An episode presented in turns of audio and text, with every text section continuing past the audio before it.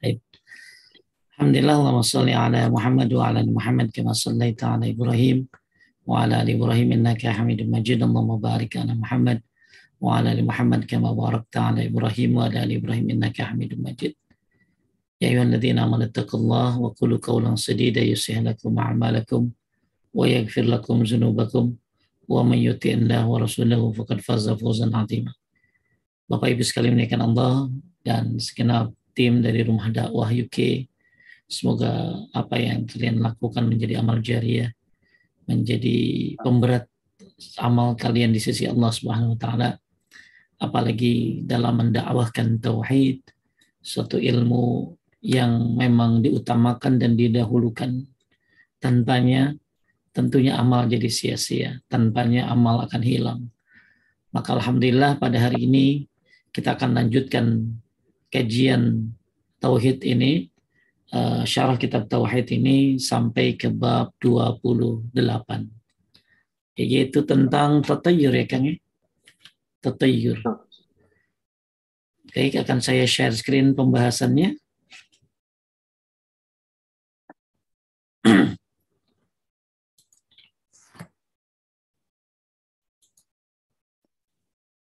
kelihatan kan? Kelihatan Ustaz. Taib. Tatayur adalah beranggapan sial kepada apa?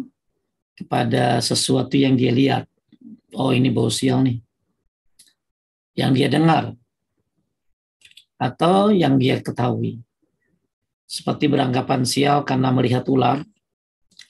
Oh kalau lihat ular. Oh kalau kejatuhan cicak. Atau mendengar burung atau merasa sial dengan hari atau bulan tertentu. Bapak Ibu sekalian menaikkan Allah, kita masuk pada bab yang Masya Allah ini banyak berkembang di zaman sekarang ya Kang ya. Ya, mungkin dia sudah berjenggot kan. Dia juga mungkin sudah celananya sudah cingkrang, sudah tidak isbal. Atau mungkin ibu-ibu yang sudah bersyari, Masya Allah tapi tak sengaja begitu dia lihat sesuatu yang tidak sukai dia ketok-ketokan. Amit-amit cuma bayi. Dia ketok-ketok amit-amit cuma bayi. Ya.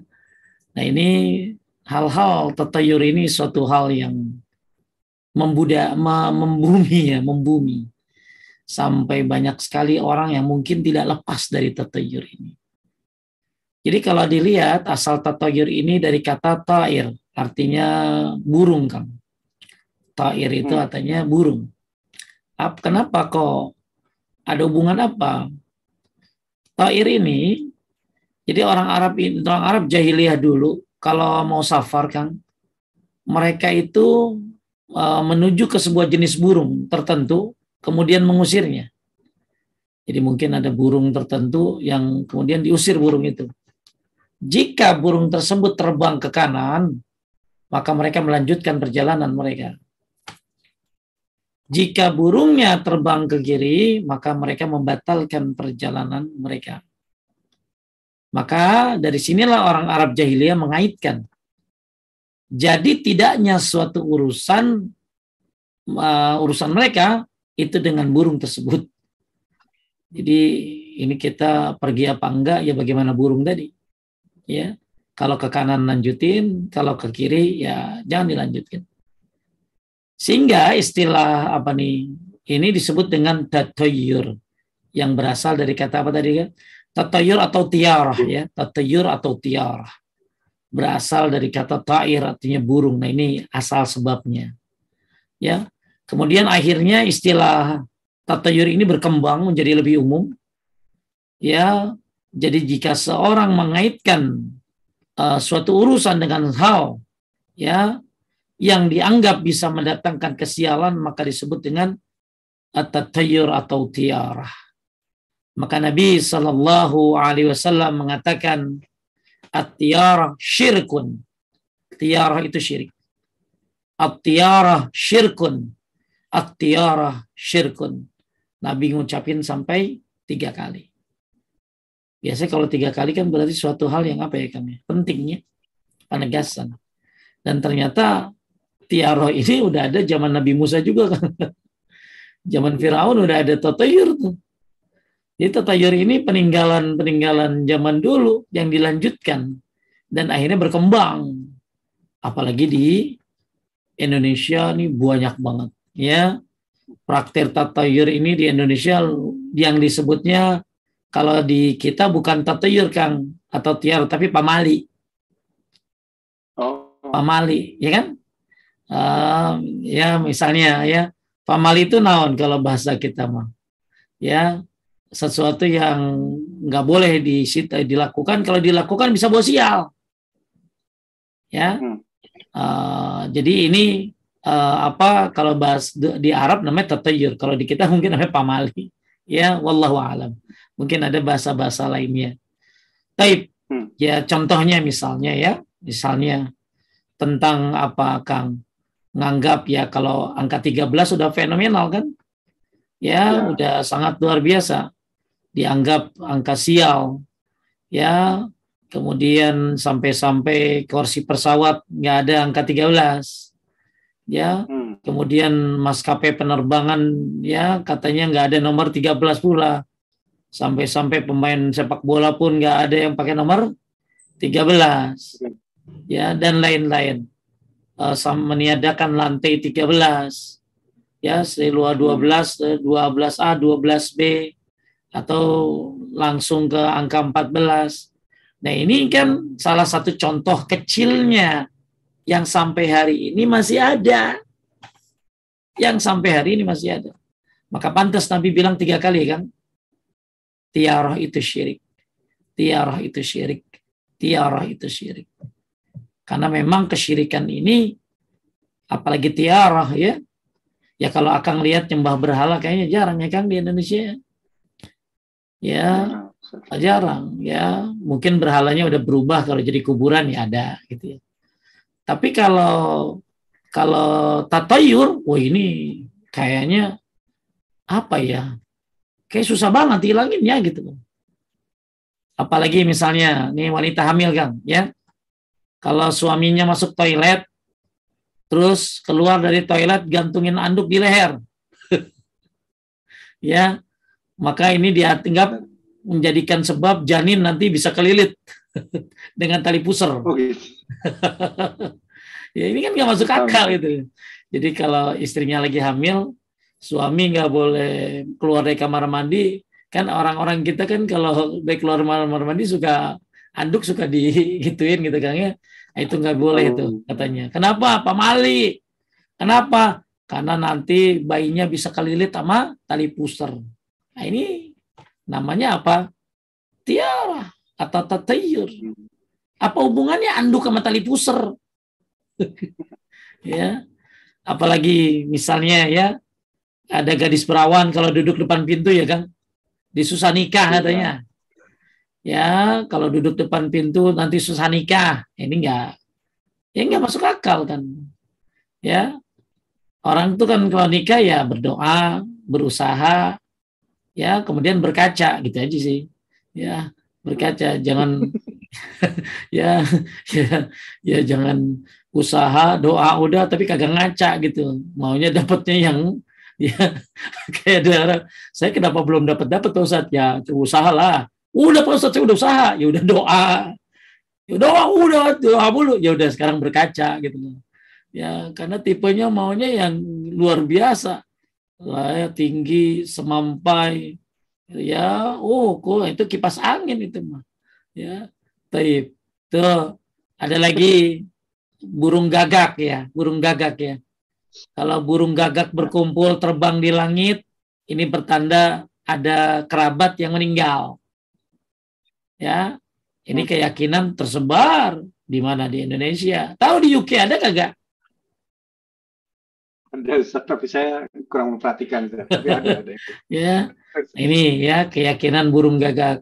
Ada lagi ya uh, kalau gerimis ya, terus ada matahari terik. Ini tanda ada yang ada yang meninggal apa?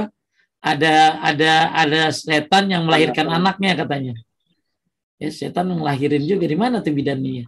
Jadi ada yang bilang kalau hujan gerimis terus matahari terik, ya kalau dulu kita bilang oh, ada yang mati gitu ya kan ada yang mati nih ya Tapi ada yang berkeyakinan oh setan lahirin anak tuh. Ya. Uh, kemudian juga uh, apa bahwa kalau anak lahir waktu maghrib misalnya kan, maka anak tersebut akan meninggal dengan kondisi yang mengenaskan. Ya, nah ini kan uh, kayak kayak begini nih banyak banget, makanya uh, kalau anak lahir yang waktu maghrib tadi ya, nah ini biasanya emak ibunya akan ngadain ritual disebut ruatan kan, disebut ruatan. Oh, iya. Ya ruatan agar bayi tadi ya uh, karena percayaannya itu justru mati mati tewasnya ganas tuh ya uh, takut mati mati ganas gitu akhirnya diadakanlah ruatan. Kemudian juga uh, ada apa terus ruatannya caranya uh, ini Kang katanya tali pusarnya diambil dicampur dengan asam jawa terus gula merah ya. Ah ini mah jadi ini atau jadi apa bedang jahe dia tuh. Banyaklah ya. Ada lagi keyakinan. Nah ini tatayur tuh kalau dikumpulin ada bukunya khusus kali kan yang berkembang di masyarakat. Dan ini sulit sekali karena tiap daerah ada modelnya. Makanya tugas tahu tugas pengajar tauhid ini masih terlalu jauh ya. Ya karena ya mungkin untuk penyembahan terhadap berhala ya mungkin udah ada udah udah udah tidak terlihat ya. Ya akan tetapi untuk masalah tatayur ini termasuk syirik ini bahaya ini karena bisa jadi syirik besar kan bisa jadi syirik kecil jadi syirik besar kalau dia menjadikan uh, oh ini gara-gara anduk di leher laki nih ya ini akhirnya bayi jadi kelilit sama pusar dia menyerahkan itunya kepada anduk. Nah, itu syirik besar. Ini. Tapi kalau misalnya Allah ngasih musibah nih gara-gara anduk yang lilit uh, di leher suami ini pusat apa bayi jadi terlilit tali pusar. Ini jadi syirik kecil. Maka ini kembali lagi kalau dia menyerahkannya kepada anduk ini jadi syirik besar. Tapi kalau dia ini dari Allah tapi lewat anduk nah ini termasuk syirik kecil. Ya. Ya. Kemudian ya kalau tatayur zaman now ada lagi Kang yang terbaru zaman now. Apa tuh? Kirimkan WA ini kepada 10 orang.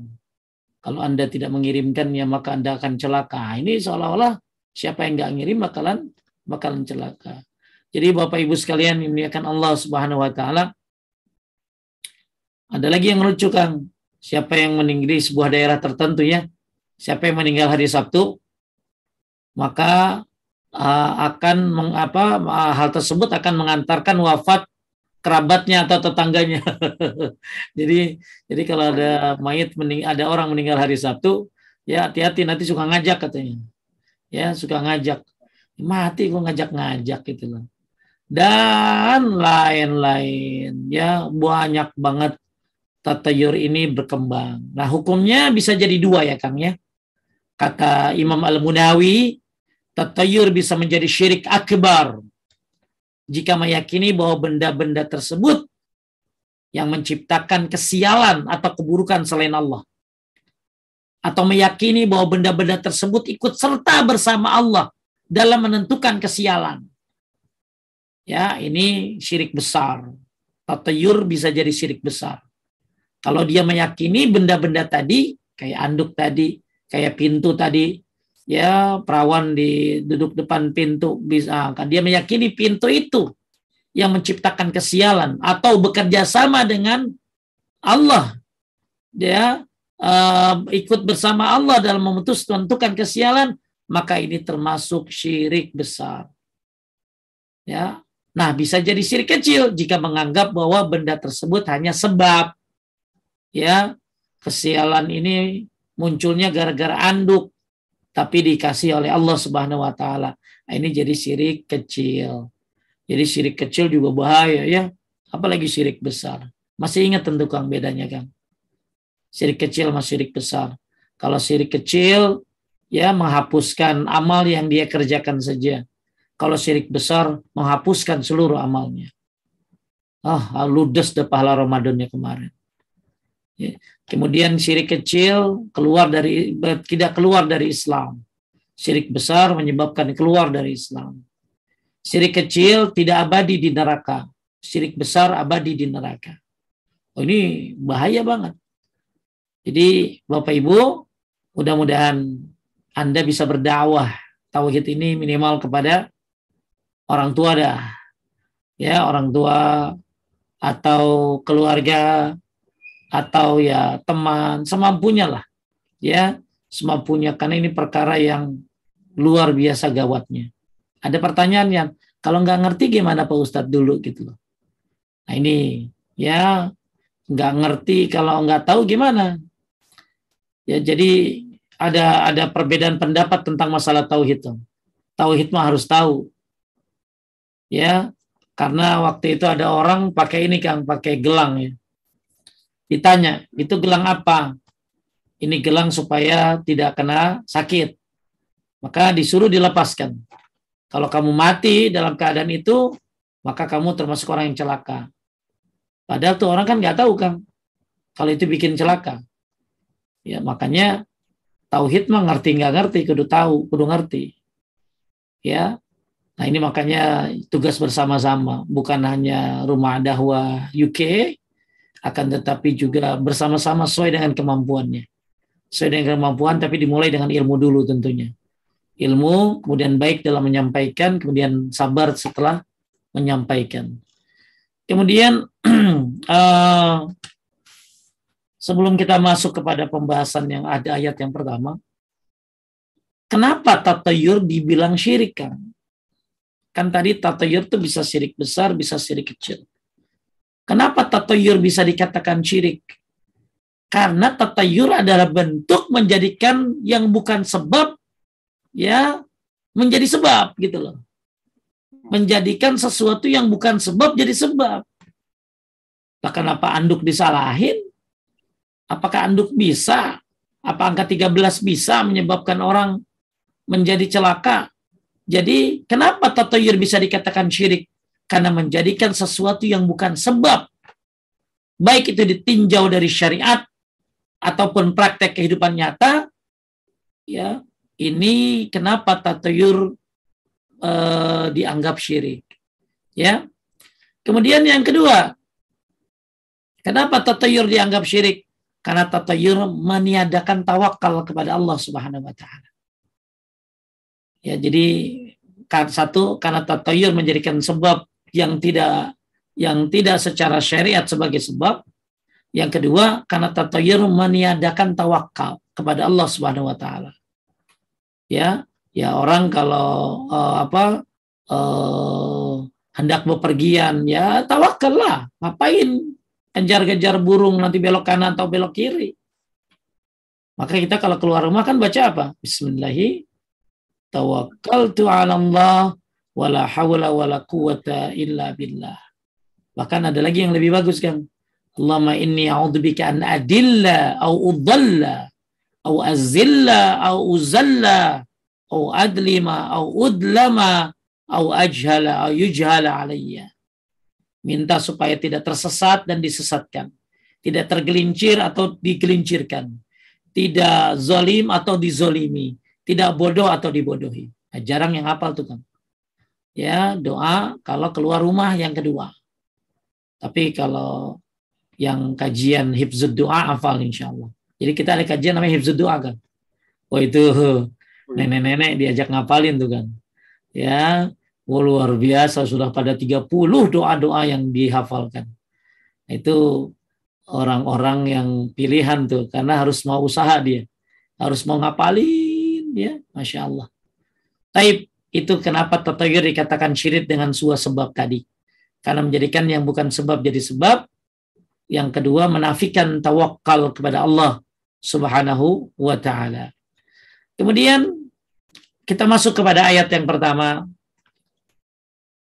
Ala innama ta'iruhum indallahi walakin aksaruhum la ya'lamun. Artinya kan? artinya ketahuilah sesungguhnya nasib mereka di tangan Allah, namun kebanyakan mereka tidak mengetahui. Nah ini ya. Uh, kita lihat syarahnya. Jadi ketahuilah sesungguhnya nasib mereka di tangan Allah. Ya, nasib kita di tangan Allah ya. Maka kita terus berdoa.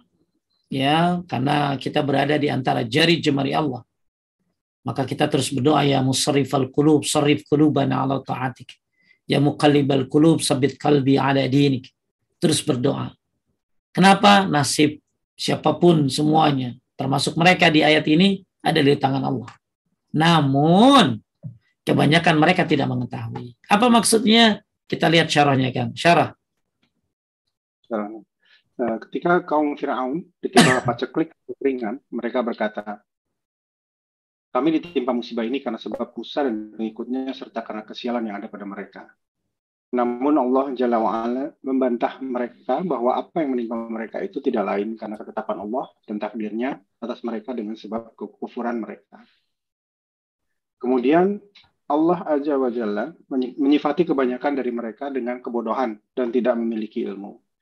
Jika saja mereka memahami dan berakal, maka pastilah mereka mengetahui bahwa Nabi Musa alaihissalam tidaklah datang kecuali dengan membawa kecuali dengan membawa kebaikan, keberkahan dan keberuntungan bagi orang-orang yang beriman kepadanya dan mengikutinya. Taib, jadi tatayur udah ada sejak zaman Firaun.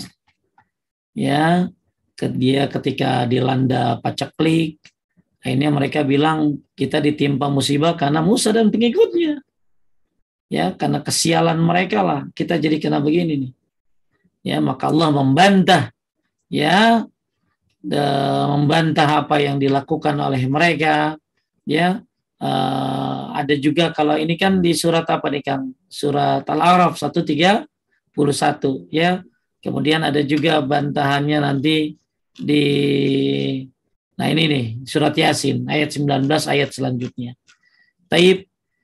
Jadi inilah uh, lamanya. Berarti berapa abad kang ta, ta, ini tatayur? Ini lama banget nih ya sampai sekarang gak hilang-hilang bahkan terus apa tuh namanya kang terus berapa tuh regenerasi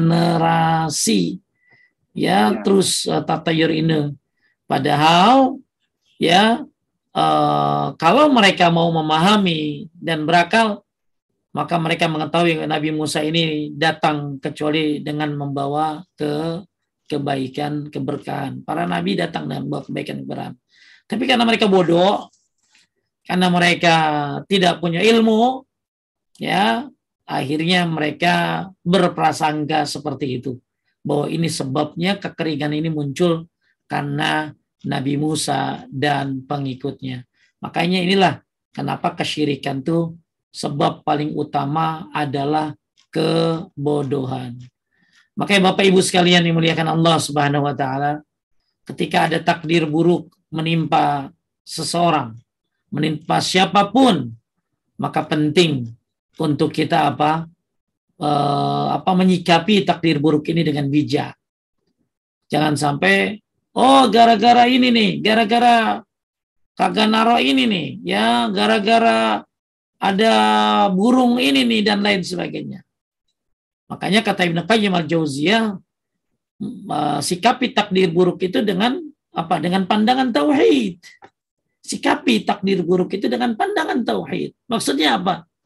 Bahwa semuanya dari Allah.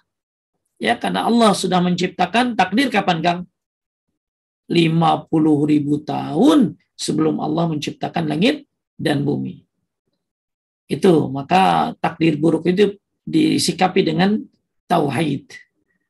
Kemudian takdir buruk ya lihatlah dengan pandangan keadilan bahwa Allah nggak akan menzolimi kita. Ya, Allah Subhanahu Wa Taala uh, apa pasti memiliki hikmah daripada takdir buruk ini. Kemudian juga uh, lihatlah takdir buruk itu dengan pandangan rahmat. Ya, kenapa? Ya, karena uh, apa? Wa kana bil mu'minina rahima. Dan dia Maha Penyayang kepada orang beriman. Pandang takdir buruk itu dengan pandangan rahmat bahwa Allah sayang, melakukan ini Allah sayang. Ya. Kemudian pandang takdir buruk itu dengan pandangan hikmah kemudian pandang takdir buruk itu dengan pujian, apa bilangnya Kang kalau dapat takdir buruk? Alhamdulillah ala kulli. Ya, alhamdulillah ala kulli. Terakhir, pandang takdir buruk itu dengan pandangan penghambaan. Kita ini cuma hamba. Ya cuma diatur kita. Nggak bisa kita ngatur. Maka jangan sampai ketika seseorang ya seperti Firaun tadi tertimpa takdir buruk maka dia menyalahkan takdir buruknya ke kesialan yang mereka uh, dapati dengan menyalahkan Nabi Musa dan umatnya. Taib kita lihat faedahnya. Faedah lanjutkan. Satu. Faedah yang pertama kebaikan dan keburukan merupakan takdir ketetapan Allah Azza wa Jalla. Uh, yang kedua haramnya kufur nikmat maksudnya mengingkari nikmat Allah dengan tidak menyendarkan nikmat yang diterimanya kepada Allah. Taib, hati-hati. Banyak kadang-kadang kan nikmat yang banyak jadi hilang gara-gara keburukan yang sesaat. Oleh karena itu, Bapak Ibu sekalian yang dimuliakan Allah, ya nikmat yang Allah berikan ini kita syukuri dengan cara ibadah, dengan cara mensyukurinya dengan keyakinan bahwa ini dari Allah ya. Jangan sampai akhirnya ketika datang cobaan menghilangkan nikmat-nikmat yang lainnya. Kemudian haramnya tatayur ya. Kemudian keempat dan juga yang keempat kebodohan adalah sebab segala keburukan karena ketidaktahuan kaum Firaun bahwa baik dan buruk itu semua dari Allah Azza wa Jalla Hal ini pun menyebabkan mereka menuduh Nabi Musa alaihissalam beserta para pengikutnya sebagai pembawa kesialan. Dan yang kelima, celaan terhadap kebodohan. Sebab kebodohan itu bisa membawa kepada ketidaktahuan perihal hakikat syirik dan wasilah-wasilah atau perantara-perantara yang mengantarkan kepadanya yang pada akhirnya terjatuh ke dalamnya. Eh, begini kan, kalau kalaupun memang ada kesialan itu karena sebab maksiat kata ulama. Hmm. Ya, jadi kesialan itu ya kalau memang uh, kesialan itu ada itu karena maksiat. Maka dalam Islam tidak ada sial kecuali karena maksiat. Jadi kesialan tidak disebabkan dengan benda, dengan keadaan, dengan dengan pohon, dengan binatang, tidak. Tapi kesialan itu bisa ada karena kemaksiatan. Makanya orang-orang dulu kan eh, gara-gara dosa itu bisa bisa berefek pada kendaraannya, pada rumahnya sampai pada tikus di rumahnya katanya. Ya. Makanya kenapa kita lebih banyak istighfar dan lain sebagainya. Ya, supaya terhindar dari musibah-musibah. Termasuk sedekah. Oke, saya ulangi dalam Islam tidak ada sial kecuali karena maksiat. Tidak ada keburukan kecuali karena dosa. Maka Allah Subhanahu wa taala menegaskan apa dalam surat Asy-Syura ayat 30. Wa ma asabakum min musibatin fabima kasabat aidikum wa ya'fu an kathir. Dan apa saja musibah yang menimpa kamu, maka disebabkan oleh perbuatan tanganmu sendiri. Dan Allah maha memaafkan sebagian besar ya dari kesalahan-kesalahanmu. Taib, ya maka yuk tinggalkan dosa-dosa karena dosa-dosa ini maksiat ini akan menyebabkan kesialan ya kesialan bah, bahkan kalau kita lagi kena musibah Kang justru Allah menghapuskan kesalahan ya misalnya dalam satu hadis dari mutafakun alih ya ma yusibul muslim min nasabin wala wasabin tidaklah seorang muslim tertimpa suatu penyakit dan keletihan anda kena sakit Jangan bilang, oh ini gara-gara sial gua makan ini nih, gara-gara sial gua tadi nabrak kucing. Oke ada orang nabrak kucing, ya berhenti mobilnya nabrak orang kabur dia. Sampai-sampai begitu dia nabrak kucing kang wanita berjilbab dia buka jilbabnya dijadikan kudungannya untuk membungkus mayat uh, kucing tersebut segitu segitu apa sih segitu takutnya dengan kesialan. Itu udah tenar tuh kan. Sampai-sampai dulu di daerah tertentu ya, saya dikasih tahu, nih bapak ini toko ini bangkrut tuh, gara-gara nabrak kucing dia. gara-gara nabrak kucing dia bangkrut tuh. Ya, akhirnya tenar kang di masyarakat tuh. Yang bangkrut gara-gara nabrak kucing. Maka kalau nabrak kucing turun. Ya, coba deh kang. Misalnya ya, ada orang nabrak kucing, pasti penduduk sekitar akan bilang apa? Turun, turun, buka bajunya. Ya, kubur pakai bajunya. Nah, itu karena mereka meyakini tatayur itu muncul karena nabrak kucing.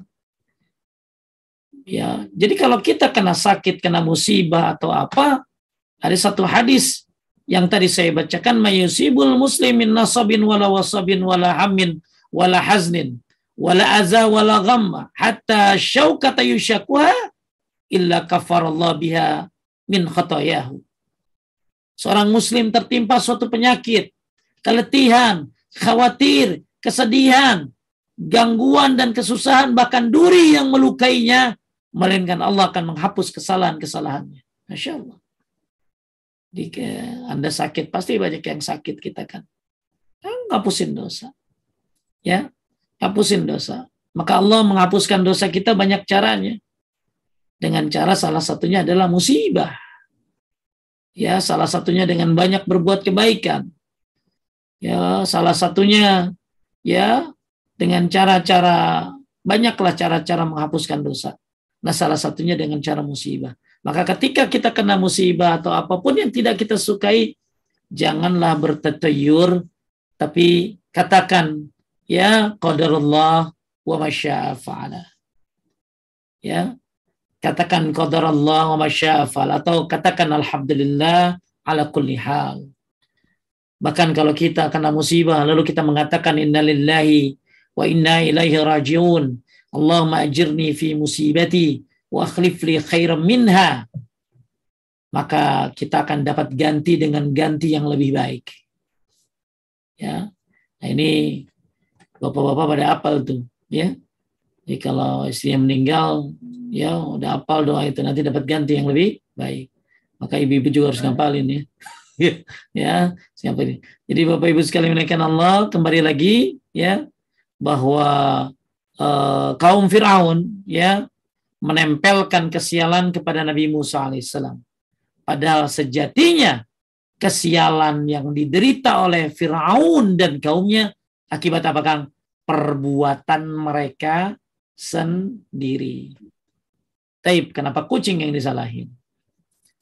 Kita lanjutkan kepada surat Yasin ayat 19.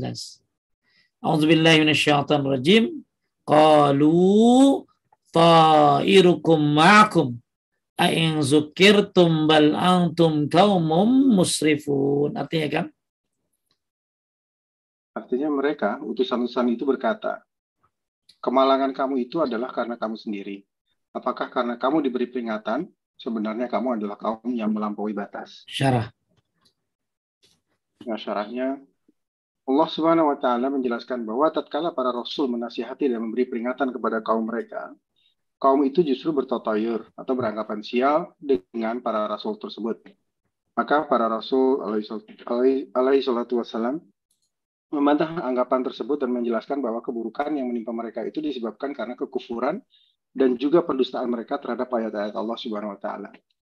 Karena mereka itu adalah kaum yang melampaui batas dan mereka sangat jauh dari kebenaran. Masya. Rasul datang memberi peringatan, menasehati, ya memberikan kabar gembira bagi orang beriman, memberikan ancaman bagi orang-orang yang mengingkari. Tapi kemudian mereka bertatayur, menganggap sial dengan para rasul tersebut. Ya, ujian dakwah Masya Allah. Jadi bukan hanya dikatain kan, dikatain orang gila, dikatain sesat, dikatain apa ekstremis, ya dikatain aliran tegang. Aliran tegang ya. Ya dikatain apa pun ternyata dikatain juga pembawa sial. Ustadz pembawa sial. Ya rasul dianggap pembawa sial. Padahal keburukan yang menimpa mereka sebagaimana menimpa Firaun itu disebabkan karena kekufuran juga pendustaan mereka Sebagaimana tadi surat apa kan? As-Surah ayat 30.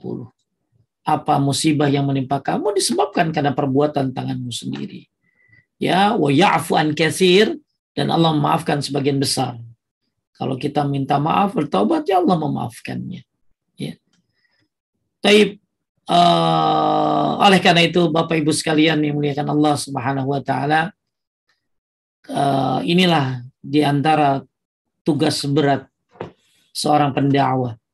Ya, bukan hanya berat dalam menyampaikan ya, tapi juga akan siap menerima hujatan-hujatan bahkan dianggap sebagai pembawa sial. Padahal kesialan yang menimpa mereka adalah karena kebodohan mereka. Karena kedusta, pendustaan mereka terhadap ayat Allah dan juga karena kekufuran mereka. Kemudian mereka itu memilih kufuran daripada keimanan. Itulah akibat buruk yang menimpa orang-orang kafir. Faidah, lanjutkan. Uh, faedahnya yang pertama, tatoyur ialah keamalan kaum jahiliyah dan musyrikin. Bukan hanya kaum jahiliyah, tapi zaman keamalan siapa tahu Fir'aun. Ya, jadi siapa yang bertatayur berarti mengikuti amalannya Fir'aun. Ya, bukan hanya jahiliyah dan musyrikin tapi Fir'aun. Kemudian haramnya tatayur lanjut.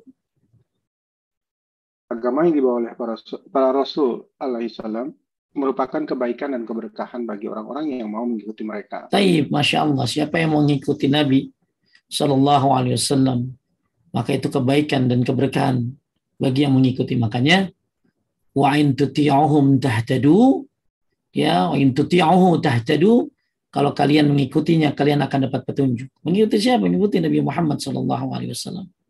Ya, dan luar biasa banyaknya keutamaan mengikuti Nabi Shallallahu Alaihi Wasallam.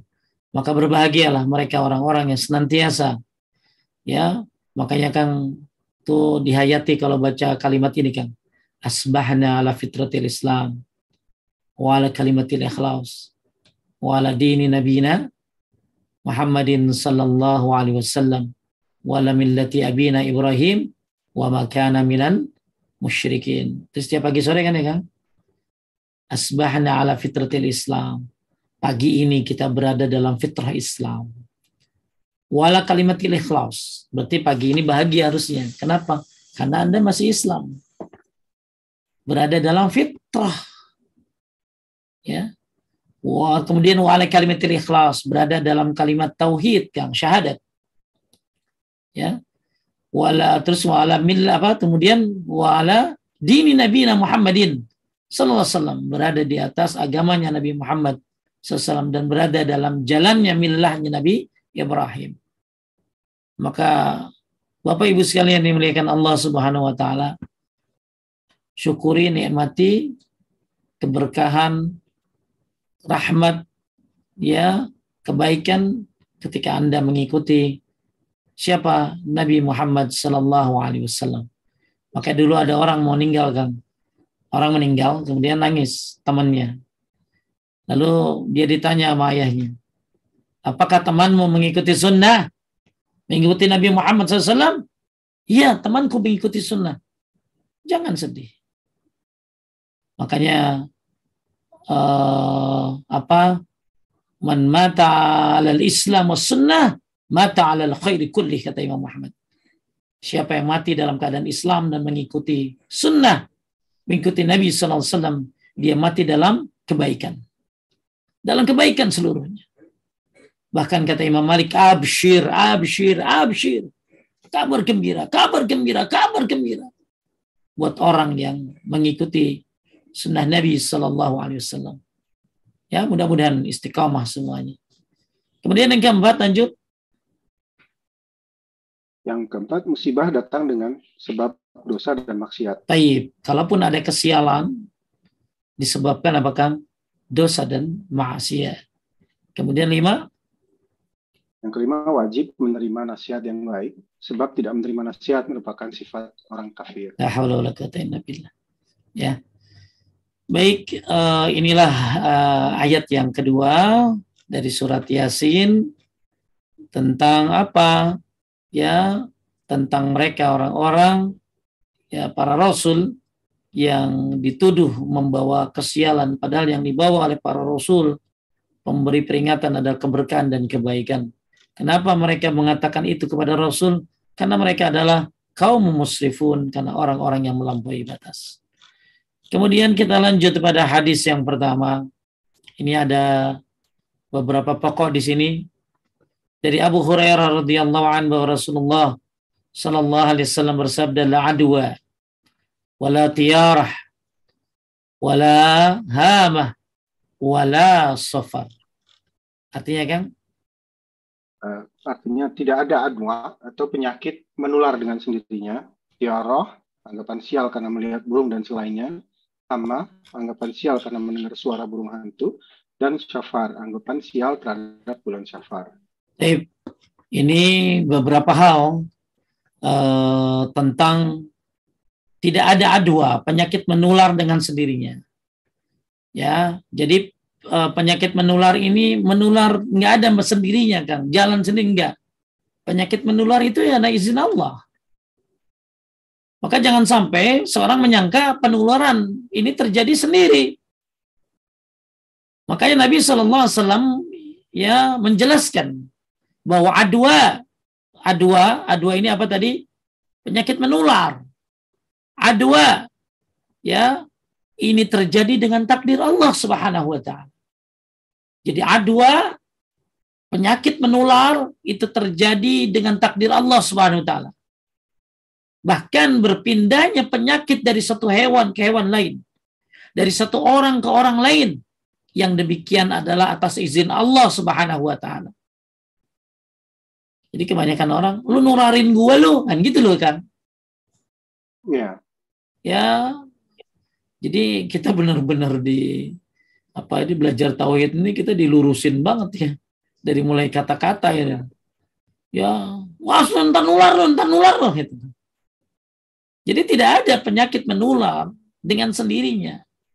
Baik pada hewan ataupun manusia karena itu semua terjadi atas izin Allah Subhanahu wa taala. Makanya orang Arab Baduy itu pernah Kang datang ke Nabi SAW bertanya tentang unta yang berpenyakit kulit. Tatkala dia apa berkumpul dengan unta yang lainnya maka unta yang pertama menularkannya. Seakan-akan orang Arab baru itu meyakini bahwa gara-gara unta penyakit inilah mengakibatkan unta lain terkena penyakit yang sama maka Nabi SAW membantah dengan mengatakan faman a'dal awal lalu siapa yang menulari yang pertama kan gini kan ada unta penyakitan ditaruh di tempat onta yang sehat. Nah, ini yang sehat ini jadi menular. Jadi orang nganggap ini yang nularin si onta pertama. Maka Nabi bilang apa? Faman adal awal. Siapa yang nularin yang onta pertama? Betul? Siapa yang nularin onta pertama? Jika onta yang lain sakit karena penularan, lalu si onta pertama sakit, siapa yang ngasih? Ya tentunya Allah subhanahu wa ta'ala yang membuat onta pertama itu sakit. Maka Bapak Ibu sekalian muliakan Allah eh, bahwa penularan ya kita meyakini bahwa penularan tersebut hanyalah sebab. Tapi yang menentukan adalah Allah Subhanahu wa taala.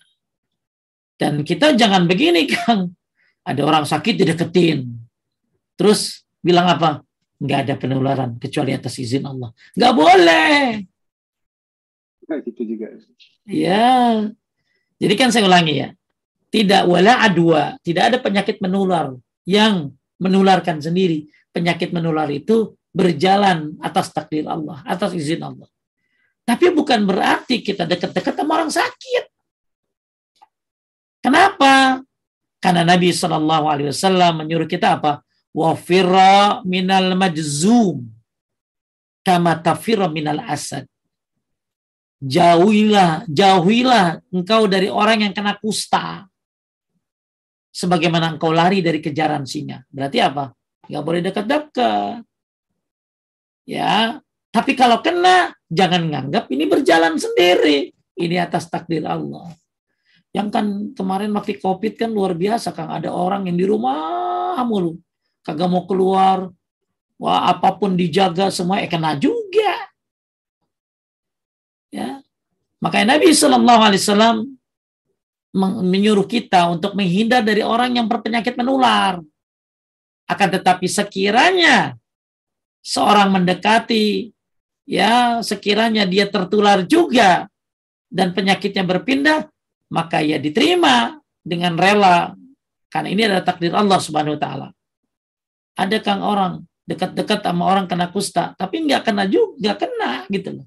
Karena mungkin dia dokter ya, ngobatin, tapi nggak kena. Ya misalnya cacar kan ya. Istri anak-anak cacar kan. Terus ya siapa yang ngurusin kecuali ibu kan. Ini ibunya ngurusin, ya nggak kena dia. Tapi bukan berarti kita disuruh berdekat-dekat dengan orang kena penyakit. Jadi penyakit menular itu tidak berjalan sendiri kecuali atas izin Allah, tapi kita jangan berdekat-dekat dengan orang yang penyakit menular. Lari, sebagaimana lari dari apa tadi? Dari singa. Lari dari si, dari singa. Bahkan Nabi SAW bilang apa Kang? La yuridu mumridun ala museh. Yang sakit jangan mendekat pada yang sehat.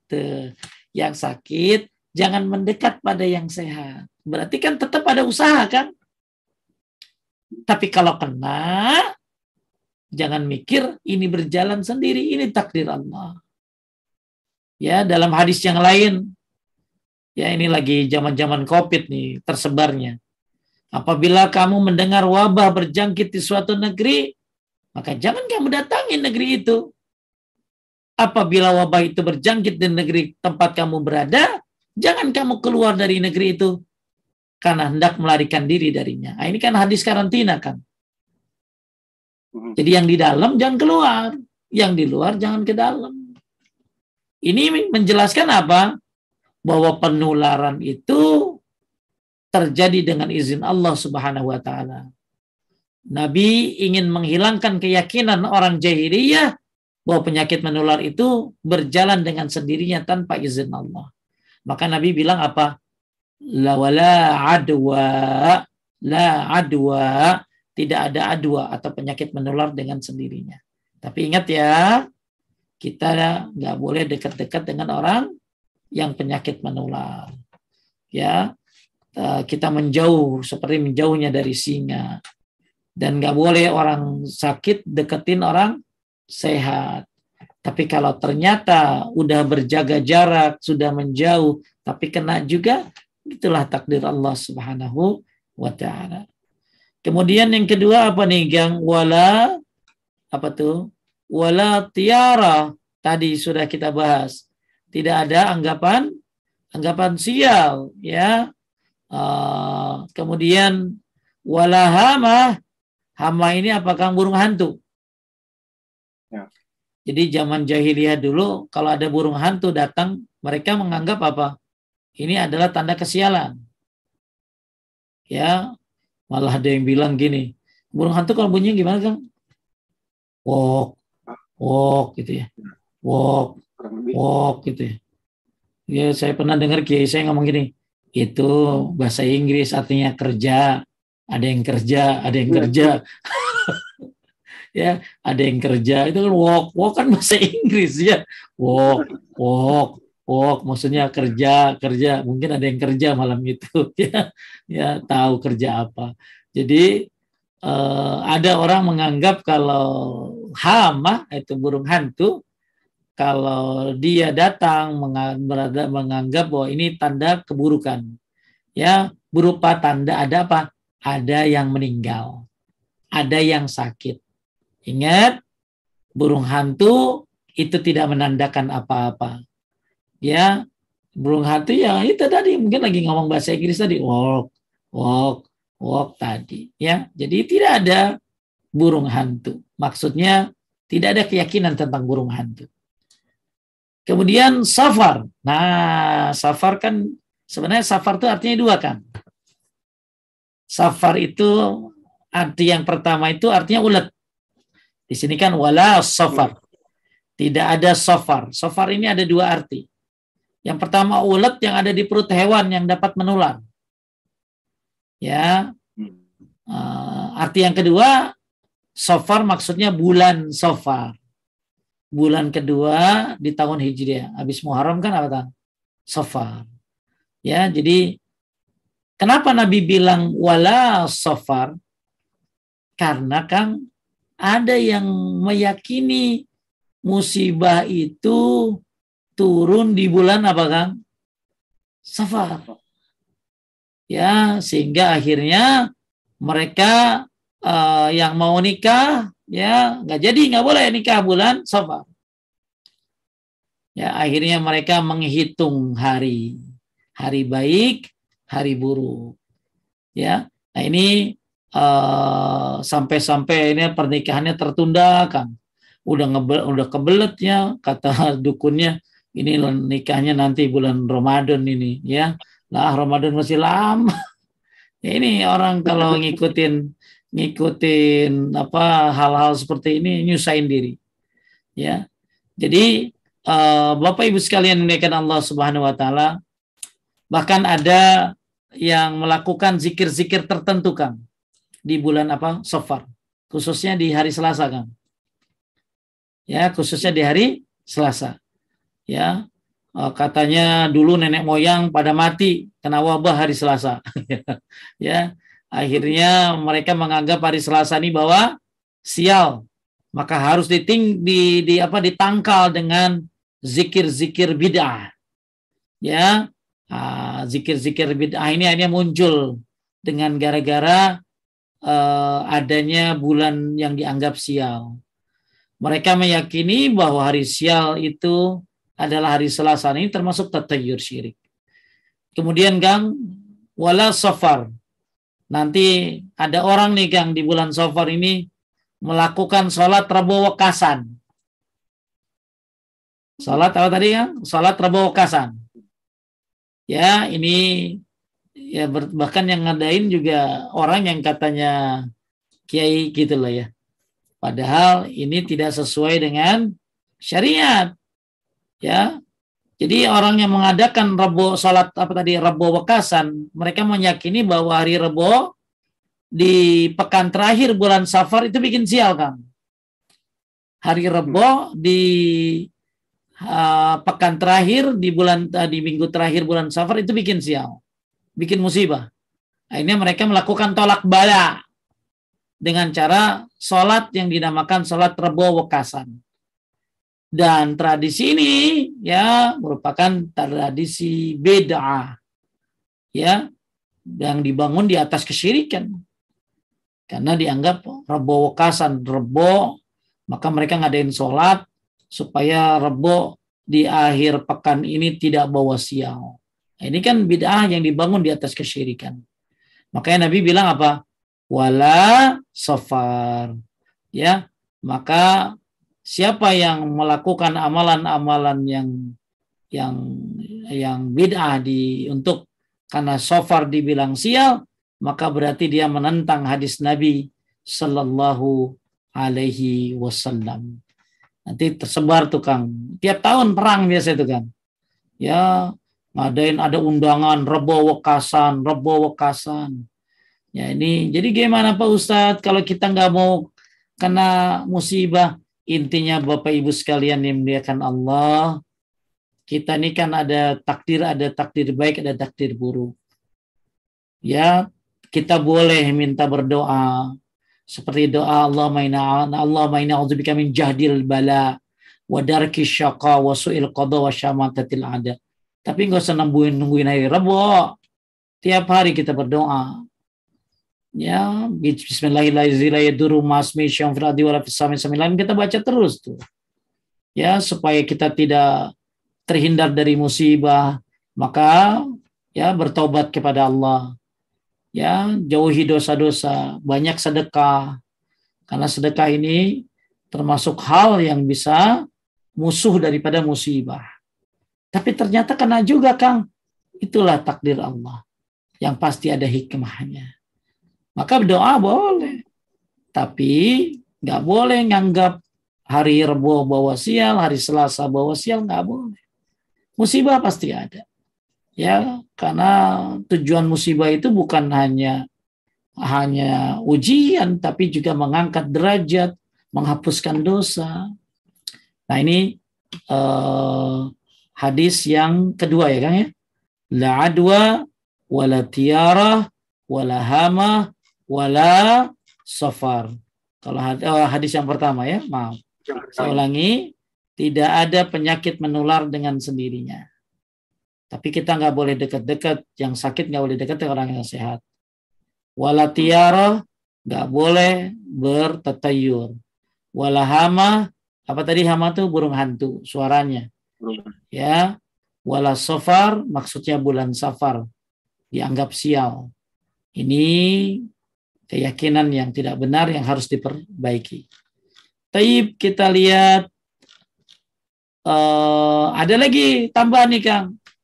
Ya, apa? Nau wala dalam riwayat Muslim ada tambahan. Wala nau. Nau itu apa? Tidak ada nau. Nau ini Kang, ini Kang. Uh, bintang apa mengaitkan bintang dengan turunnya hujan. Ya, jadi, oh, gara-gara bintang ini turun hujan itu nggak boleh. Ya, jadi nau itu apa tadi? Mengaitkan bintang dengan turunnya hujan. Wala nau. Kemudian wala gaul. Wala gul. Gul ini apa? Gul ini kan, ini adalah setan yang diyakini membuat orang tersesat di hutan. Jadi hmm. ada tambahan dalam riwayat muslim. Jadi total semua enam ya kan? Apa tadi itu yang di atas kan wala adwa, wala tiara, wala hama, wala satu lagi ya betul, wala sofar. Ini empat. Ada tambahan dua lagi nih. Wala nau, ya mengaitkan bintang itu yang menyebabkan turun hujan. Ya boleh. Hujan turun ya atas izin Allah Subhanahu wa taala, bukan karena bintang. Kemudian gol, gol ini apa maksudnya setan yang diyakini bisa membuat orang tersesat kan. Jadi kalau ada orang katanya jalan di hutan, kemudian akhirnya tersesat kan. Ini kerjaannya si Gul. Ya, Gul nih. Ini makanya uh, akhirnya ada yang bilang, oh ini gara-gara si Gul nih. Padahal ya ini semua uh, terjadi atas izin Allah Subhanahu wa taala. Gul nggak bisa ngapa-ngapain tanpa izin Allah Subhanahu wa taala. Ya, makanya ada sebuah riwayat yang dhaif kan? Ada sebuah riwayat yang dhaif disebutkan jika apa sih kalau misalnya jika merasa di perjalanan disesatkan oleh gilan ya gilan. Gilan ini gul tadi. Maka kumandangkanlah azan. Ini riwayat dhaif ya jadi kalau kita disesatkan di jalan, itu kerjaannya si gul katanya. Maka kumandangkanlah azan. Ingat, gul ini berarti nama jin ya kan? Nama jin atau nama setan. Tapi ingat, dia bisa melakukan hal tersebut ya atas apa? Ya atas restu, atas izin Allah Subhanahu wa taala. Ya sebagai cobaan. Tapi jangan menjadikan si gul ini seolah-olah yang bikin sesat gitu loh. Ya. Hmm. Jadi Nabi SAW menerangkan bahwa gangguan tersebut, jin tersebut atas izin Allah. Sehingga orang yang merasa diganggu oleh jin gul tadi bisa menangkalnya dengan cara apa? Berzikir. Ya. Makanya kalau kita di hutan kan, ya banyak berzikir kepada Allah. Supaya kita tidak tersesat. Ya. Supaya kita uh, dimudahkan untuk dihindari dari godaan jin di hutan tersebut.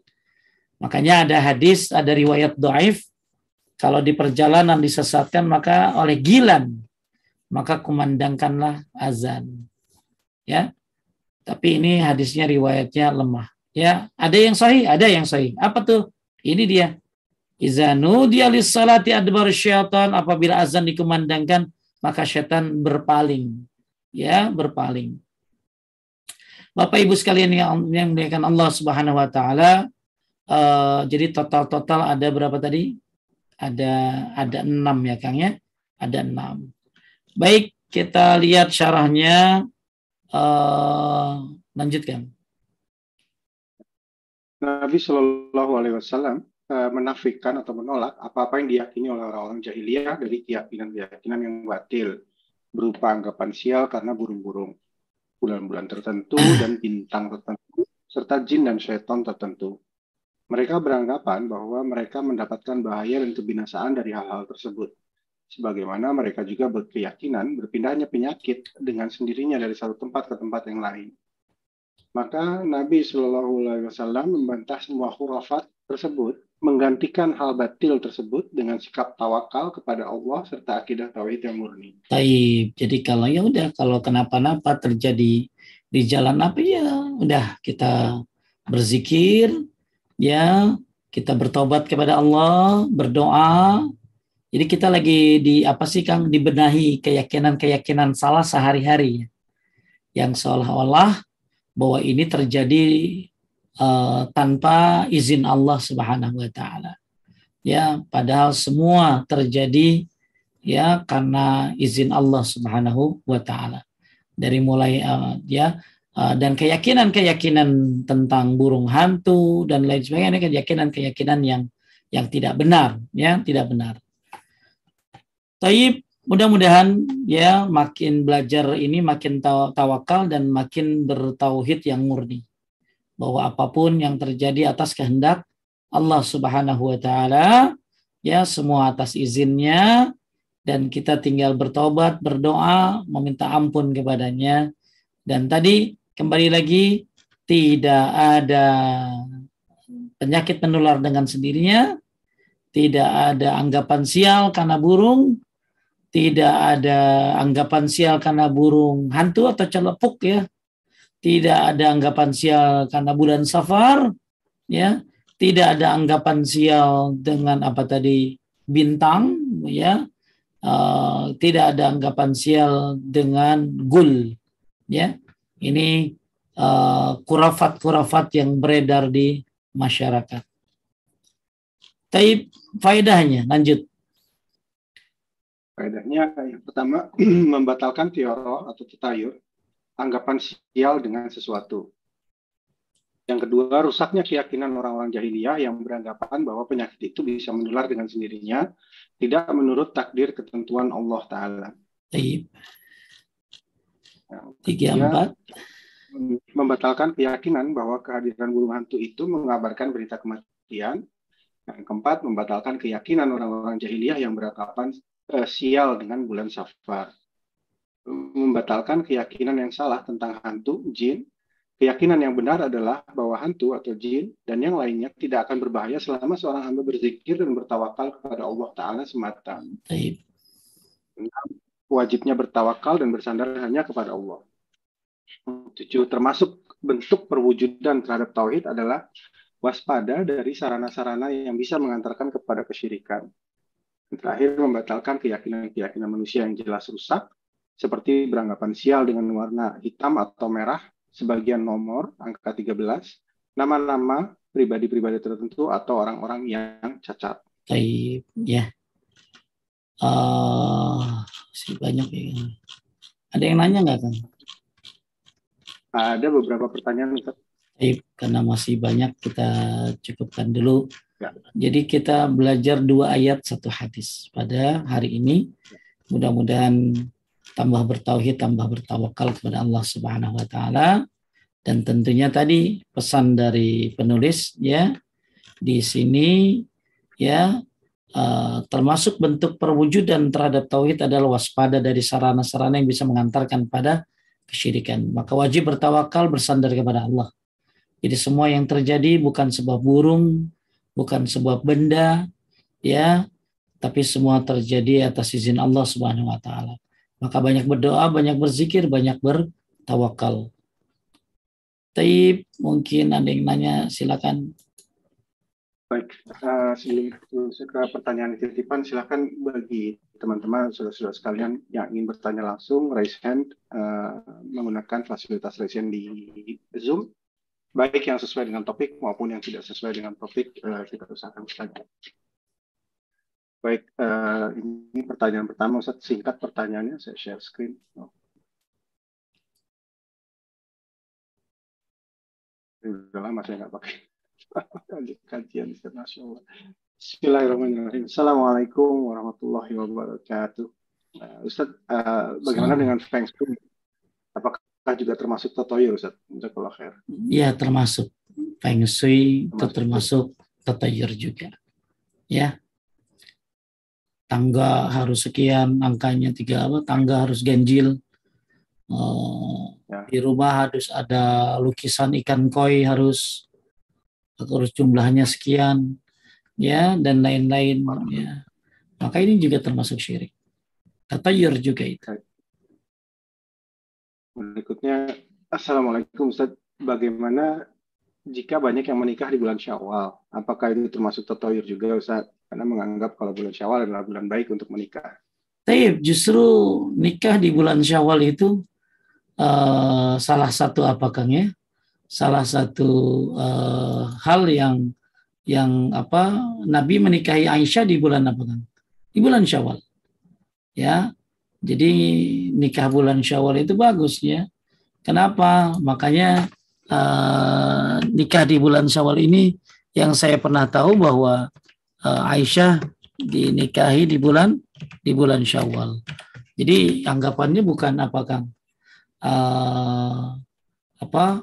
Bukan bukan bukan apa? Bukan sial justru ya tapi apa tadi kan? Ya, justru ini uh, sunnah. Ya, sunnah. Aisyah radhiyallahu anha uh, istri Nabi Shallallahu alaihi wasallam beliau uh, menceritakan dalam hadis yang diriwayatkan oleh Muslim bahwa Rasulullah Shallallahu alaihi wasallam menikahiku di bulan Syawal. Ya, dan membangun rumah tangga denganku pada bulan Syawal pula. Maka istri-istri Rasulullah SAW yang manakah yang lebih beruntung di sisinya dariku?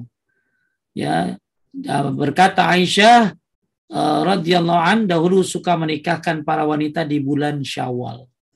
Ya tuh ya. Jadi uh, Aisyah radhiyallahu anha suka menikahkan para wanita di bulan Syawal.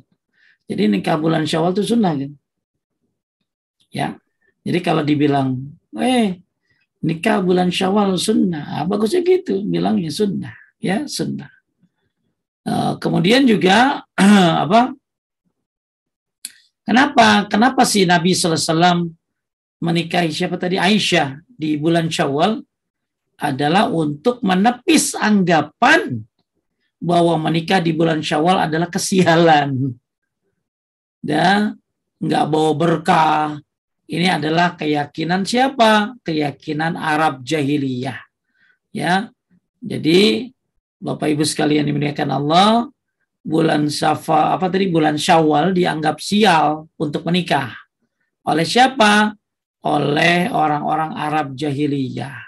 Ya. Jadi makanya Nabi Shallallahu alaihi wasallam menikahi Aisyah di bulan Syawal. Dan kata perawi, ya uh, perawi berkata Aisyah radhiyallahu anha dahulu suka menikahkan para wanita di bulan Syawal. Taib ya. Jadi uh, sekali lagi berarti Nabi dakwah Nabi itu sedang menolak apa Kang namanya Kang ya? Halo? Nolak apa ya, Kang? Ya, Nabi itu sedang apa berarti ya namanya ya? Sedang mengkanter gitu ya Kang ya? Ya, mengkanter kebiasaan masyarakat jahiliyah ya. Jadi kan masyarakat jahiliyah ini menganggap nikah bulan Syawal ini apa sih? Uh, nikah bulan Syawal ini sial. Maka Nabi Shallallahu Alaihi hmm. Wasallam menikahi Aisyah di bulan Syawal. Tujuannya adalah untuk menangkis, menangkal uh, kebiasaan kebiasaan masyarakat jahiliyah nikah di bulan Syawal itu bikin sial katanya tidak berkah. Makanya dalam Al-Bidayah wan Nihayah kata Ibnu Katsir Rasulullah SAW menikahi Aisyah untuk membantah keyakinan yang salah sebagian masyarakat yang tidak suka nikah di antara dua Aid. Jadi masyarakat Arab itu dulu tidak suka nikah di antara dua Aid. Maksudnya antara Idul Fitri dan Idul Adha ada bulan apa Kang? Syawal. Ya, kenapa? Mereka khawatir akan terjadi perceraian katanya. Ini keyakinan yang tidak benar. Makanya kata Imam Nawawi, hadis tadi, hadis apa? Ya, bahwa Rasulullah SAW menikahiku di bulan Syawal membangun rumah tangga denganku di bulan Syawal, kata Imam Nawawi, hadis ini terdapat anjuran Kang untuk menikahkan, menikahkan, ingat, menikah atau menikahkan dan membangun rumah tangga pada bulan Syawal. Ya, kata Imam Nawawi, hadis tadi Nabi nikahin Aisyah di bulan Syawal dan Aisyah menikahkan orang di bulan Syawal ini dijadikan dalil oleh Imam Nawawi anjuran untuk menikahkan atau menikah atau membangun rumah tangga pada bulan Syawal. Ya, bahkan ulama Syafi'iyah menegaskan anjuran tersebut ya uh, dan berdalil dengan hadis siapa tadi Aisyah ya untuk membantah keyakinan jahiliyah pada saat itu. Taib. Ada yang mau nikah? Masih ada hari ya kan? Berapa hari lagi kan? Masih lumayan ya, beberapa hari. Awal masih berapa hari lagi ya? Uh, 22 Syawal nih sekarang. Sekarang 20 masih ada sekarang tuh ya. Jadi Cukup, apa? Ayo ya yang mau nikah mas ya, ya mau nikah nikah di bulan Syawal ya. Jadi nggak apa-apa ya bilang nikah. Cuman bilangnya jangan ini ya bagusnya bilangnya apa sunnah nikah di bulan. Ya ada sunnah. Menurut Imam Nawawi ini termasuk anjuran ya anjuran untuk menikahkan atau menikah ya. Itu lanjut. Uh, ya satu pertanyaan titipan lagi Assalamualaikum izin bertanya Ustaz. Uh, suami saya bilang nanam pohon pepaya di depan rumah bisa menghalangi rezeki. Dalam hati pepaya memberi rezeki, bahwa pepaya kok menghalangi. Tapi akhirnya saya tebang untuk memilih suasana kondusif. Apakah sudah benar Ustaz? Benar, ya. Jadi kalau bisa ya dikasih tahu dulu ya. Kasih tahu dulu. Tapi mungkin karena nggak mau berantem, akhirnya ditebang aja pohon pohon payanya ya. ya jadi pohon paya bisa menghalangi rizki. Kasihan amat ya pohon paya disalahin gitu ya. Kayak rumah tusuk sate kan. Tusuk sate bisa ngalangin rezeki gitu ya. Bahkan kalau akan lihat apa apa sih namanya si sesa itu ya si sesa itu kan merek kudungan itu kan itu markasnya gede banget di di mana di di mana di di jalan apa Brawijaya apa gitu ya. Itu apa namanya apa tuh Kang? Kalau yang gitu tuh. Tadi saya bilang apa tuh? Tusuk sate gitu tusuk sate. Ya. Oh, jadi nggak ada nggak ada nggak bener ya. Nggak bener bahwa pohon bisa ngalangin rezeki ya.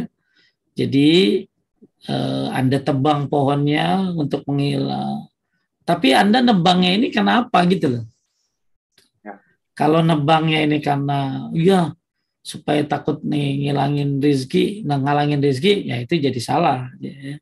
Tapi kalau nebangnya udah dah, biar nggak ada perselisihan dah gitu ya. Ya, tapi hmm. yang penting Anda harus nerangin sebenarnya gitu loh. Hmm. Bang, ya nggak boleh. Itu namanya tatayur. Masa hmm. itu pohon beringin aja kagak ngalangin gitu loh. Masa pohon paya yang segede gitu ngalangin rizki. Rizki itu dari Allah. Jadi dikasih tahu dakwah dulu gitu. Dakwah dulu. Ya. ya dikasih tahu. Jangan sampai akhirnya dakwah. Jadi kalau sekedar ditebang ya seolah-olah jadi meyakini gitu loh. Ya sekarang kan udah ditebang. Yang penting nggak boleh ada keyakinan uh, keyakinan bahwa ini menghalangi rizki ya. Tapi juga harus ada dakwah kasih tahu pelan-pelan ya lanjut. Ini yang titik pertanyaan ada satu yang di luar topik. Sebelum ke situ saya coba ini mau tanya Ustaz nih tadi di terakhir ya kita di faedah di nomor 8 uh, eh, itu membatalkan keyakinan-keyakinan manusia yang jelas rusak seperti beranggapan sial dengan warna hitam atau merah atau sebagian sebagian nomor angka 13 atau angka 4 nama-nama nah ini yang mau saya tanya pribadi-pribadi tertentu atau orang-orang yang cacat. Yang dimaksud dengan pribadi-pribadi tertentu ini apa Ustaz? Apakah dari uh, orang yang uh, menduduki suatu jabatan tertentu atau orang yang saya orang, terus orang, ah, taib. Jadi memang ada di poin nomor 8 ya. ya. Saya sendiri kan belum ngerti ini. Ya, hmm. pensyarah Pusat Yazid min Abdul Qadir Jawas di sini kalau anggapan warna sial suka ada ya Kang anggapan ya. warna si ada ya, hijau nggak boleh ke mana. Warna hijau nggak boleh ke mana ke Anyer oh. itu nggak benar oh. itu ya. Oh. ya kemudian ada, ada juga yang karena warna hitam atau merah gitu. Uh, angka jelas lah ya. Kalau nama-nama adalah nama-nama ya. Nama nama-nama ini bikin sial kalau pakai nama ini kecil tapi kalau pribadi-pribadi tertentu nih uh, mungkin kalau saya lihat uh, atau apa atau orang cacat bisa kan misalnya ya. Nah ini ya ini cacat begini nih biasanya bawa sial gitu loh. Karena kupingnya tertutup hmm. begini nih mungkin ada kayak gitu. Tapi kalau pribadi-pribadi ini saya belum belum belum tahu ya. Tapi bisa jadi begini Kang kalau uh, kalau apa kalau bahasa mudah yang dari saya bisa jadi kadang-kadang kita melihat ini muka sial nih. ya, ini muka lu mau muka sial lu gitu loh ya. Itu nggak boleh gitu. Ya, uh, ini lu makanya mukanya uh, atau maaf Kang, ada orang kan mungkin uh, kakinya tuh kaki O ya Kang ya. Ya. Ah, mungkin juga ada orang kakinya kaki yang beda gitu ya. Oh, ini ini bisa begini, bisa begini. Nah, enggak padahal itu kan mungkin sakit kali ya nggak hmm. tahu tapi intinya mungkin lebih ke arah uh, wajah atau apa. Ya mungkin kalau saya waktu muda ya suka suka itu ya. Mungkin bercanda ya sama teman-teman. Ya muka lu muka susah gitu. Ya muka lu muka susah gitu ya. Nah, ini lu mah tampangnya tampang kere lu. Nah itu nggak boleh kan gitu kan. Nah itu kan kadang-kadang kebiasaan zaman dulu ya. Zaman dulu kebiasaan. Ini sampai ada orang bilang, ini lu mah nggak ada tampang jadi orang kaya lu, nggak boleh begitu dah. Ya, muka lu muka susah, muka madsu. Apa madsu teh? Masa depan suram gitu ya. Ya, muka madsu gitu. Ini mungkin ke arah situ pribadi-pribadinya. Wallahu a'lam. Lanjutkan. Ini ada pertanyaan di luar topik nih, Ustaz. Saya ingatkan kembali yang ingin bertanya langsung silakan uh, angkat tangan ya, Resen. Jadi kita ambil kesempatan. Nah, ini, Assalamualaikum Ustaz, Afwan di luar topik. Ini kemarin viral nih Ustaz, ada yang ada dai atau doan yang masuk ormas Islam Ustaz, di di negara Bayat. antah berantah. Lalu di bayat, nah bayatnya ini panjang nih Ustaz. Ini enggak, ya, bayat itu nggak boleh kecuali kepada ulil amri, pada pemerintah, kepada kepada presiden, ya, kepada khalifah kalau zaman dulu mah. Jadi ini termasuk bayat-bayat yang tidak disyariatkan. Jadi kan saya juga baru apa sih? Baru baru baru lihat ya. Bayatnya hmm. panjang ini ya. Ya. Jadi apa bayatnya panjang banget gitu ya.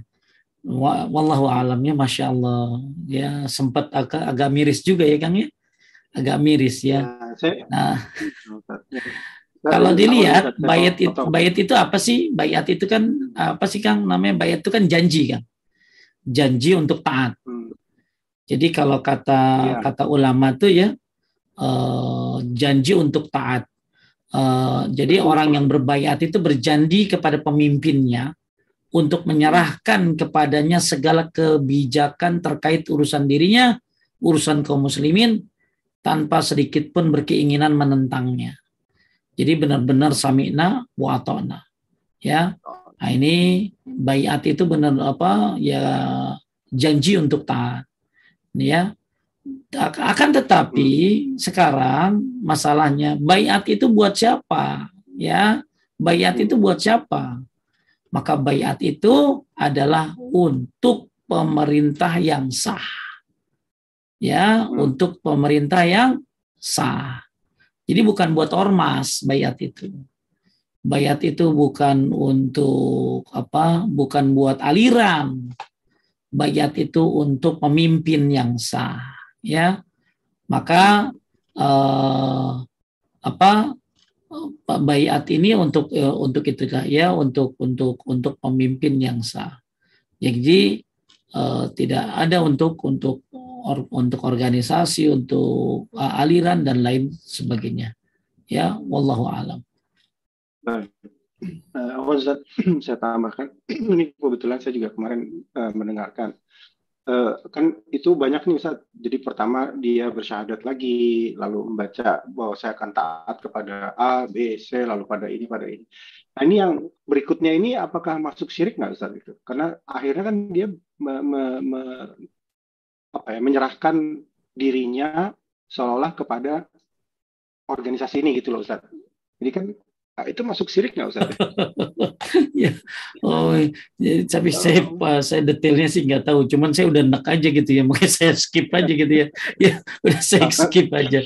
Tapi masya Allah ya. netizen rame banget itu ya, rame banget.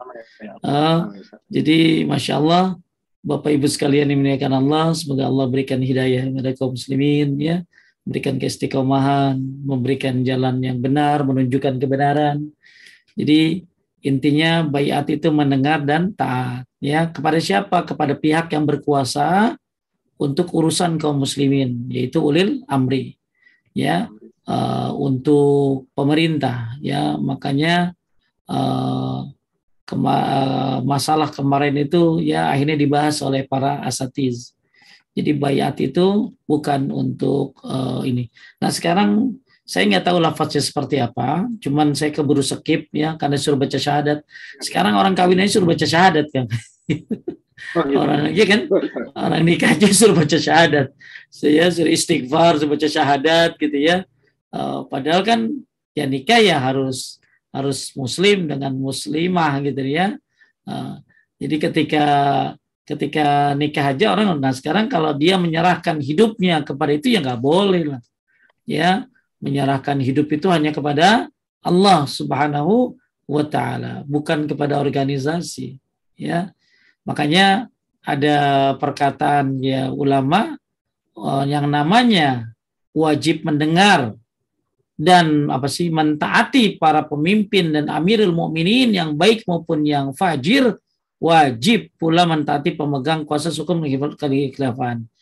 Jadi intinya bahwa uh, apa yang namanya bayat itu ya untuk untuk uh, pemimpin ya. Pemimpin apa? Pemimpin yang mengurusi menguasai kaum kemuslim urusan kaum muslimin yaitu ulil ulil amri.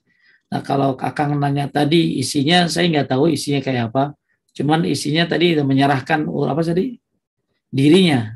Ya pokoknya inilah pokoknya saya percaya kepada inilah kepada si mempercayakan keputusan jadi bayatnya ya bukan ke ulil amri tapi ke organisasi itu ke ke ya ke organisasi ya. Taib, masya Allah. Saya baru dengar ya, uh, bayat begitu ya.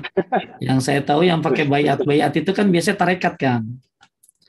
Tarekat ya. ya, termasuk juga ada apa LDII ya pakai bayat juga itu. Ya, nah sekarang ternyata di organisasi ada bayat juga gitu. Nah ini tentunya tugas uh, eh, MUI ya untuk apa menjelaskan meluruskan umat tentang tentang bayat. Tapi kita para ustadz juga meluruskan juga bahwa bayat hanya untuk uh, orang yang berkuasa atas urusan kaum muslimin atau itu ulil ulil amri. Wallahu a'lam. Alhamdulillah. Semoga kita jangan terlalu masuk ke dalam lingkungan politik. Pusing nanti kita. Belum waktunya. Tapi saatnya ada pertanyaan-pertanyaan baru yang masuk ini. Ustaz. Uh, coba saya share screen. Ustaz. Panjang saya bacakan. Ustaz. Bismillah. Uh, saya pernah mengingatkan, oh, udah masuk sini ya? Oh ya, saya pernah mengingatkan seorang teman karena dia masih mengikuti tradisi Rabu Bekasan. Alasannya adalah bahwa itu sudah dia dan keluarganya lakukan sejak dulu secara turun-temurun menurut mereka itu adalah ibadah di mana terdapat pula wirid-wirid tertentu. Apalagi katanya yang memberikan wirid-wirid dan tata cara Rabu Bekasan ini adalah kiai dari ponpes setempat. Teman saya tidak berkenan saat saya ingatkan bahwa ini adalah termasuk bid'ah. Bahkan nomor saya di blog hingga saat ini saya tidak bisa berkomunikasi dengan dia. Apa yang sebaiknya saya lakukan, Ustaz? Karena saya, saya khawatir jika saya melakukan hal ini lagi kepada teman yang lain, maka saya akan dijauhi padahal saya sudah sangat berhati-hati dalam penyampaiannya agar tidak ada yang tersinggung. Tersinggung. tugas kita ya kembali lagi tugas kita cuma menyampaikan. Kita amar ma'ruf nahi mungkar.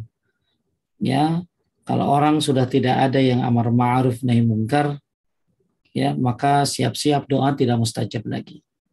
Kedudukan ibu bagus ya, ya jarang orang kang mau amar ma'ruf nahi mungkar.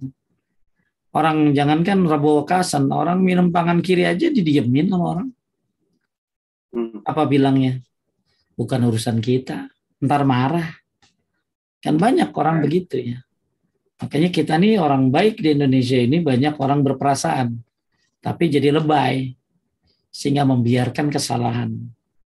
Jadi ketika ibu punya teman yang masih melakukan itu ya dikasih tahu caranya udah baik, semua baik, ya tinggal yang ketiga. Apa Kang?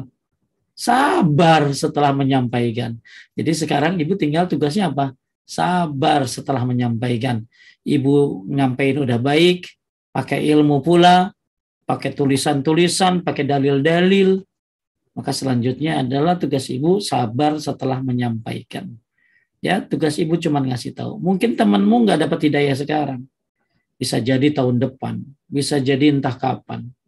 Ya, yang penting sabar setelah menyampaikan dan terus doakan. Ya, mudah-mudahan dia dapat hidayah. Kemudian juga gimana teman-teman yang lainnya? Kalau kasih tahu ya kasih tahu. Ya, kalau dia menjauh gimana Pak Ustadz? Berarti memang dia bukan temanmu. Karena teman yang baik itu ya mau dinasihati. Makanya berarti ibu temannya salah salah ini salah salah jalur. Ya, berarti apa sih namanya providernya salah. Ya, ya, ya berarti ibu harus rubah teman itu mah. Ya, cari teman yang sepropeder, eh sepropeder apa sih namanya? Cari teman yang searah, yang searah. Ya, sefrekuensi. Ya. Justru ibu jadi tahu siapa teman sebenarnya. Ya, kalau masalah agama saja tidak mau dinasehati, apalagi masalah yang lain. Ya. Jadi kalau dia ninggalin ibu, katakan kepada dia, pertemanan itu memang enak. Pertemanan itu memang oke, okay, tapi keselamatan agama lebih daripada sekedar pertemanan. Ya, kalau kita mau ngikutin teman semua, waduh Kang, capek. Ya, jadi lu udah gak asik lagi lu nggak udah nggak oke okay lagi. Udah humble udah udah hambar kayaknya kita berteman. Ya udah berarti memang anda disuruh untuk mencari teman yang lebih baik. Ya makanya terus zikir pagi sore. Sampai-sampai efek sebuah zikir itu kan kata Syekh Utsaimin Anda bisa dipertemukan dengan orang-orang yang baik. Ya maka alhamdulillah Bapak Ibu insya Allah teman-teman baik akan menghampiri belum aja kalau sekarang mah ya. Intinya tugas dakwah terus dilakukan dengan semampunya. Tapi tadi yang terakhir sabar setelah menyampaikan dan doakan ya doakan temanmu semoga dapat hidayah. Banyak kan hal-hal yang mustahil jadi dapat hidayah tiga. Ya, saya juga kaget orang-orang yang dulu kata kayaknya sulit tiba-tiba dia dapat hidayah dari orang lain, dari temannya, dari ustadz lain. Jadi kayaknya tinggal nunggu waktu aja kan. Ada yang langsung, ada yang lama gitu Ya, tinggal nunggu timingnya aja. Tapi ada juga yang mungkin tetap dalam kesalahan. Makanya jangan berprasangka buruk, bisa jadi kapan-kapan temanmu akan uh, mendapatkan hidayah. Wallahu a'lam. Jadi tradisi Rebo Kasan ini memang udah jadi dulu kan. Ya, ya isinya ya jikir-jikir dan lain sebagainya tapi jikir-jikir itu kenapa dibaca di Rebo Wekasan?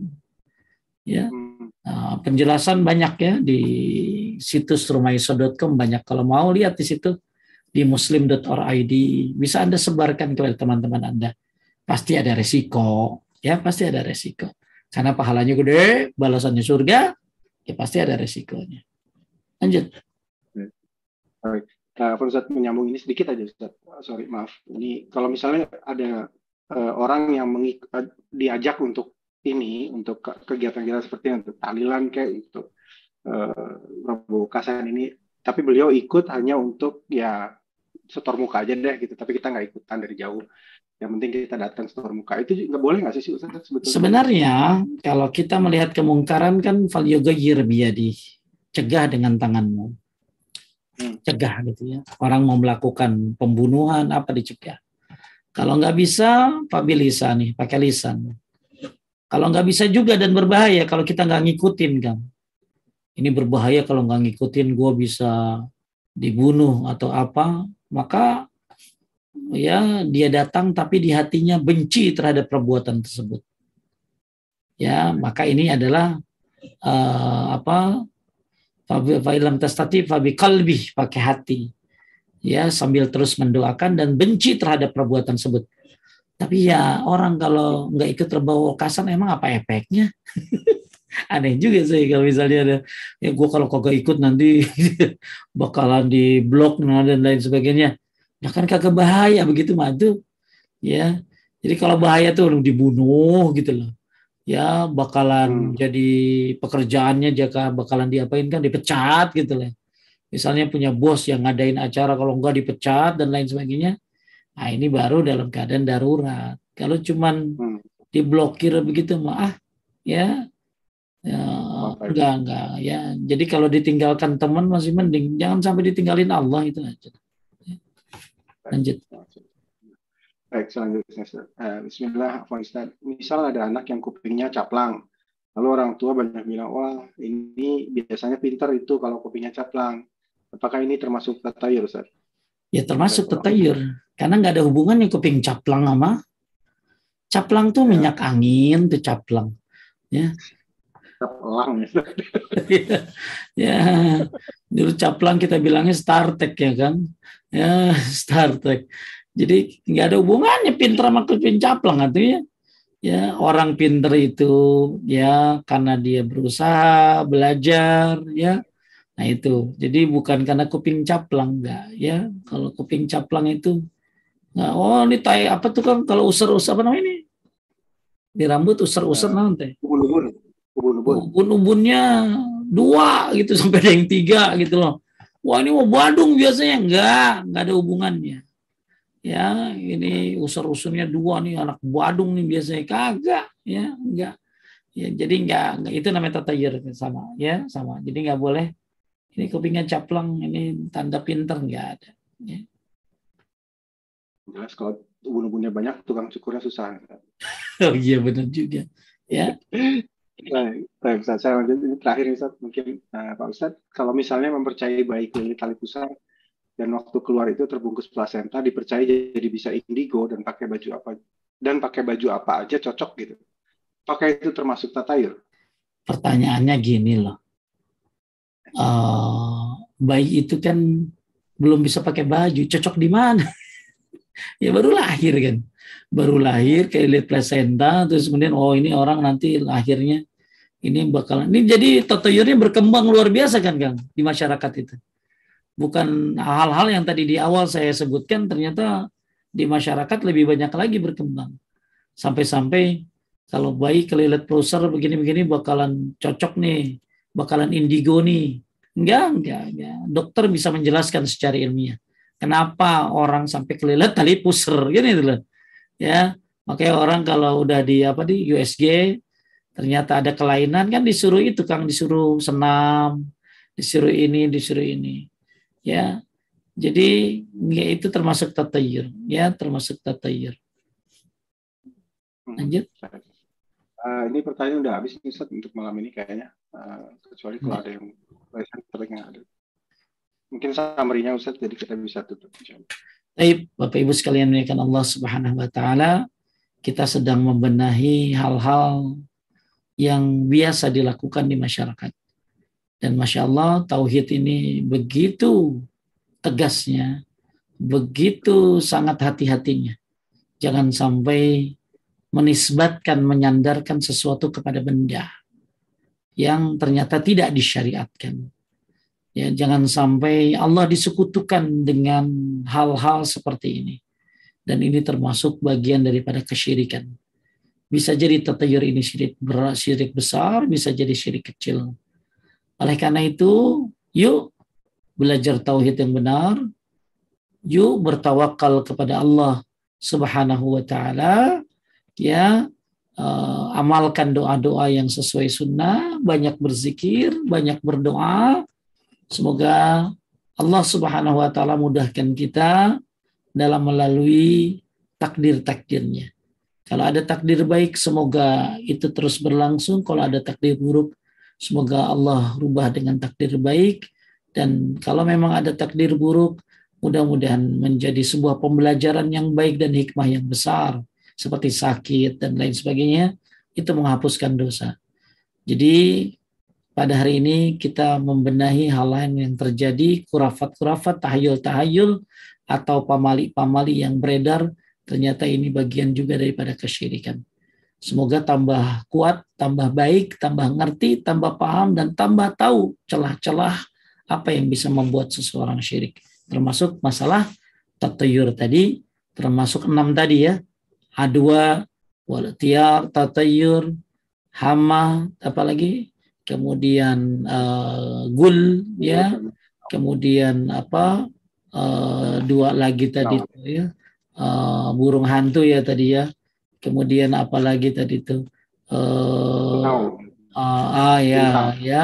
Ini semuanya uh, sudah kita bahas. Now atau gul ya mudah-mudahan bapak ibu mudah mengerti tentang masalah ini terus semangat ya dalam belajar tauhid terima kasih Kang Rashid dan tim semoga jadi amal jariah Subhanaka Allahumma bihamdika asyhadu an la ilaha illa anta astaghfiruka wa atubu ilaik. Assalamualaikum warahmatullahi wabarakatuh. Waalaikumsalam warahmatullahi wabarakatuh. Jazakallah khair Ustaz atas uh, waktu dan ilmunya. Insya Allah kita bertemu kembali di kajian berikutnya bersama Ustaz Agus Hendra. Uh, dari kami, insya Allah kita akan ada kajian lagi esok, uh, Ahad di waktu yang sama. Uh, semoga kita bertemu kembali esok. Kami mohon maaf jika ada kesalahan, baik dalam sikap maupun perkataan. Insya Allah bertemu kembali, mohon maaf. Barakallahu fikum. Bila taufiq. Assalamualaikum warahmatullahi wabarakatuh. Waalaikumsalam warahmatullahi wabarakatuh.